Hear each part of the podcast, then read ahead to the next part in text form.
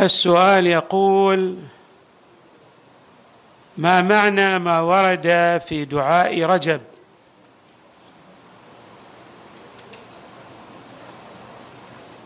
لا فرق بينك وبينها إلا أنهم عبادك وخلقك بدؤها منك.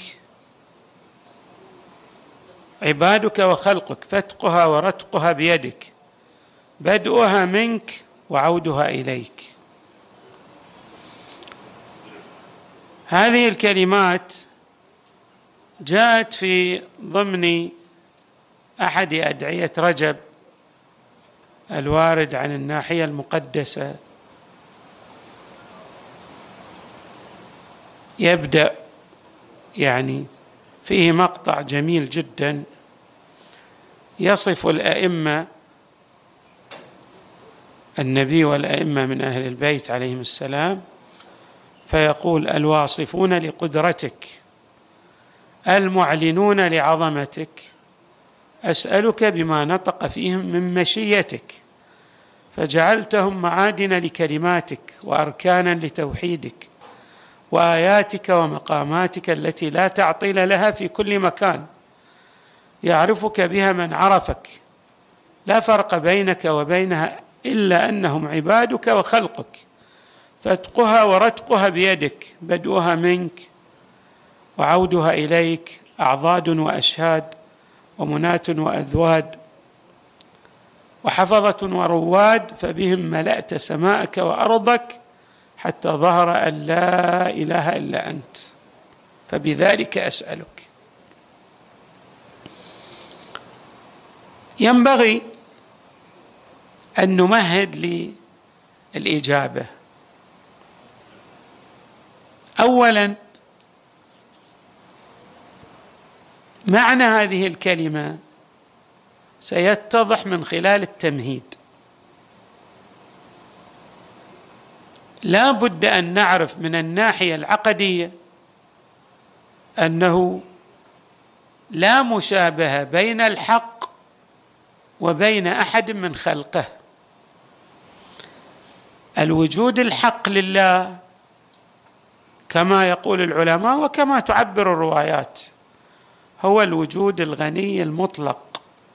أو على حد التعبير الفلسفي هو وجود واجب الوجود يعني أن وجوده ضروري الثبوت لذاته. أما ما عداه من جميع الأنبياء والرسل والأوصياء فهو وجود ممكن بمعنى أن وجوده وجود جميع الأنبياء والرسل والاوصياء من أين جاء؟ من عند الله.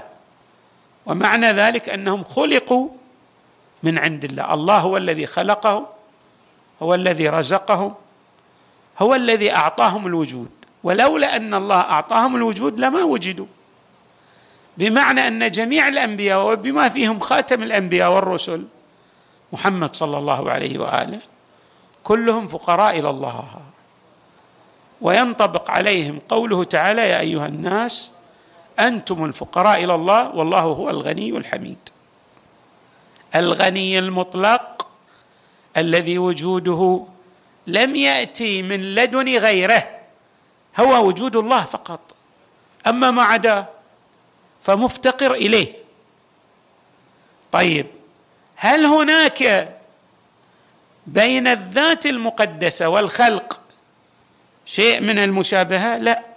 في الوجود ذاك وجود واجب ووجود غيره وجود ممكن كما قلنا يعني وجود فقير. وهذا أحد معاني العبودية. وأحد معاني الفقر. العبودية اللي عندما نشهد للنبي صلى الله عليه واله بالرسالة نشهد له بالعبودية قبل شهادتنا له بالرسالة. نقول هكذا أشهد أن لا إله إلا الله وحده لا شريك له وأشهد أن محمدا عبده ورسوله. يعني نشهد بالعبودية قبل الشهادة بالرسالة. ومعنى ذلك أن درجة العبودية أرقى من درجة الرسالة.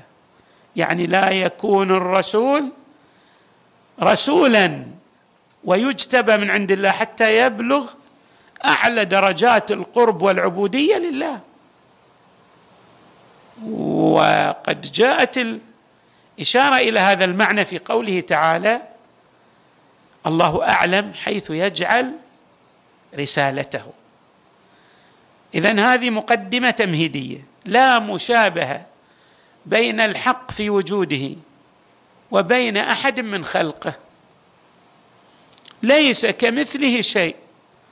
وجود ما سواه يفتقر إليه وهو تبارك وتعالى في وجوده لا يفتقر إلى شيء من خلقه.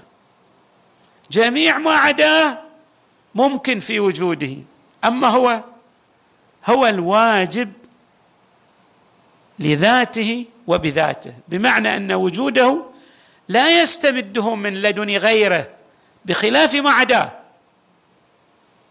ما كان لا نبي مرسل ولا ملك مقرب ولا أي شيء في الوجود إلا لما الله تبارك وتعالى أفاض عليه الوجود وأعطاه. وهكذا أيضا جميع هذه الموجودات لولا يمدها الله يفيض عليها النعمة لرجعت إلى كتم العدم لا وجود لها لا شيئية لها دون النعمة المستمرة الآتية لها من عند الله.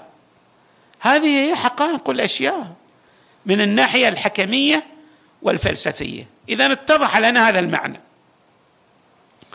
طيب. المعنى الثاني الذي ينبغي أن نلتفت إليه هو أن الله لا يعرف إلا من الطرق التي هو هو. تبارك وتعالى أمر الناس باتباعها. المعرفة الحقه لله لا تتأتى إلا عبر الأنبياء والرسل والأوصياء. يعني ممكن أن تعرف الله بفطرتك ولكن هذه معرفة ناقصة. يشوبها الغموض يلفها الإبهام. تنقصها الكثير من الحقائق. متى تكون المعرفة تامة وعالية؟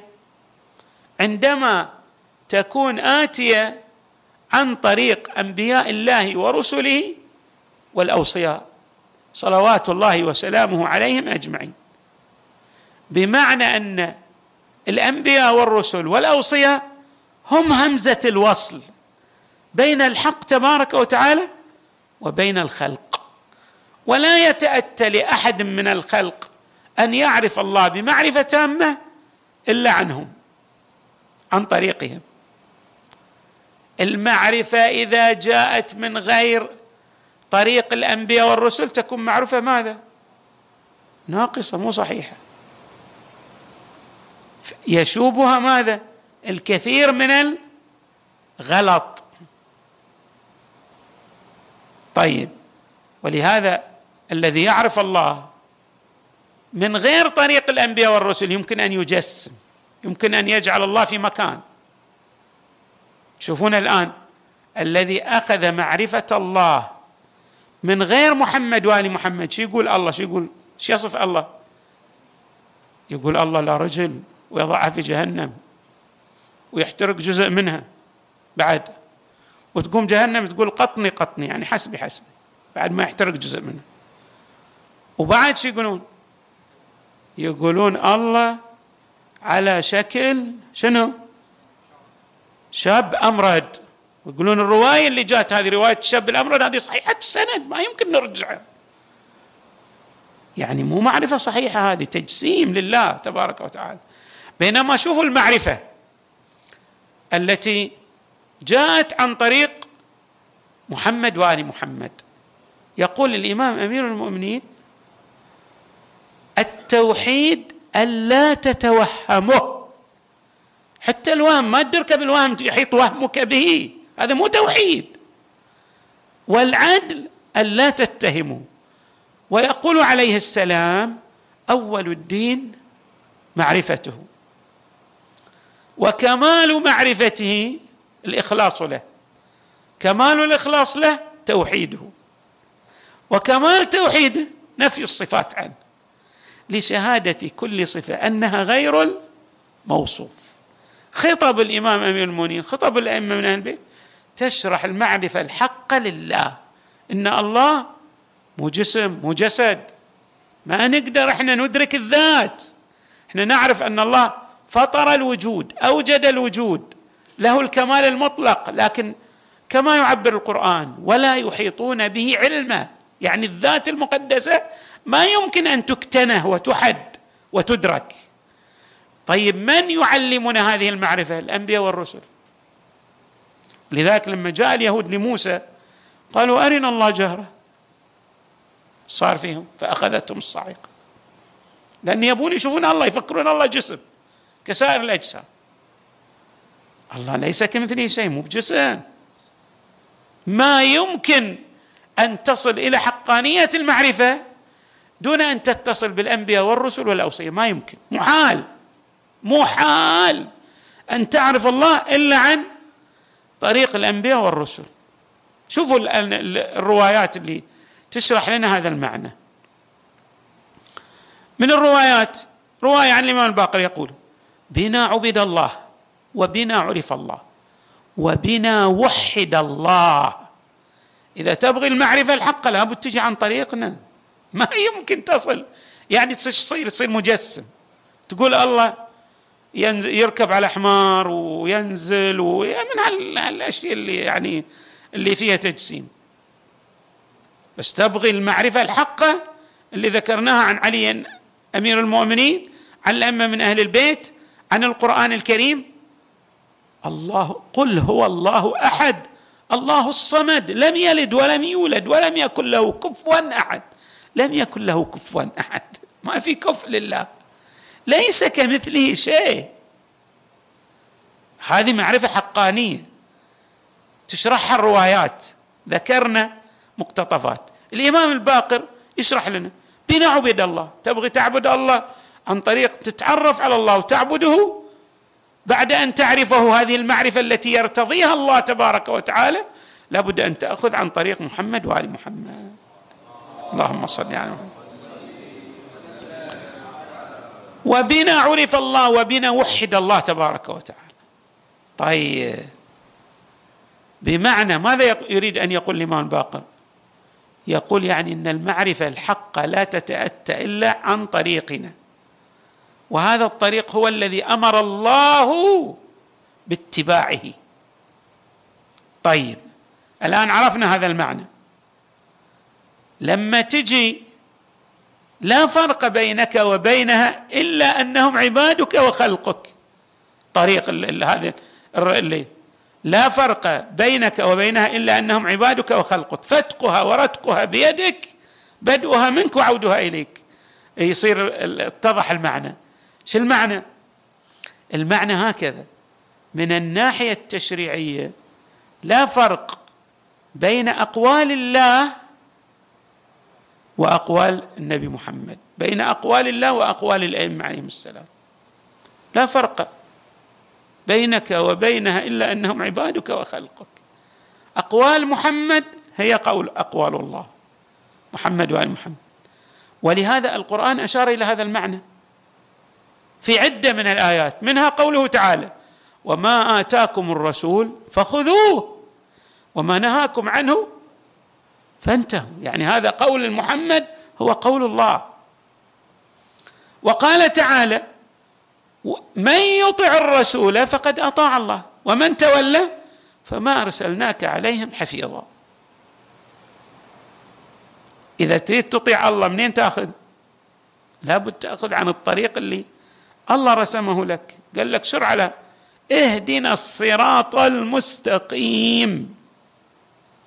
ما يمكن أن تجسد حقيقة العبودية لله وأنت لا تأخذ عن الطريق الذي أمرك الله باتباعه. ما يمكن. فاذا المعنى يتضح لنا في هذا دعاء رجب. لا فرق بينك وبينها إلا أنهم عبادك وخلقك هم مخلوقون لك وعباد لك. لكن عندما يأمرون وينهون أقوالهم هي أقوالك. أوامرهم هي أوامر الله. نواهي النبي والأئمة هي نواهي الله. يعني ما يريده الله هو ما أمر به المصطفى. ما يريده الله هو ما قاله علي هو ما قاله الحسين هو ما قاله الصادق والباقر. هذه ولذلك سمعنا حديث الثقلين والاقتران بين القرآن والعترة. هذا المعنى لا فرق بينك وبينها إلا أنهم عبادك وخلقك. فتقها ورتقها شوفوا يكمل الحديث يعني الدعاء يكمل. يشرح بعضه بعضه الآخر. يوضح بعضه بعضه الآخر. شو يقول؟ إلا أنهم عبادك وخلقك. فتقها ورتقها بيد من؟ الخلق والإبداع والإيجاد والإعطاء والنعمة. بيد من؟ بيد الله تبارك. فتقها ورتقها بيدك. بدؤها منك وعودها إليك. كل هذه الأشياء ترجع إلى الله. الله هو الخالق الله هو الرازق الله هو المبدع الله فاطر السماوات والأرض الله هو الموجد. وما عدا من أكمل الخلق من محمد وآل محمد كلهم عباد لله مربوبون لله. نعم لهم. الله أعطاهم رتبة لم يعطيها سائر الخلق. هم أعظم الخلق أشرف الخلق لكنهم عباد لله مربوبون مخلوقون مفتقرون إلى الله. فإذا اتضح معنى لا فرق بينك وبينها إلا أنهم عبادك وخلقك. فتقها ماذا منك وعودها إليك. الله هو الفاتق الراتق المبدع المبدع المعيد. هو الذي أعطى الخلق الوجود. هو الذي أفاض النعمة على خلقه. يعني العباد هم فقر مطلق لولا أن الله وجدهم لما كان لهم وجود. ولولا أن الله يعطيهم النعمة ويمدهم بهذه النعمة لايضا عادوا إلى كتم العدم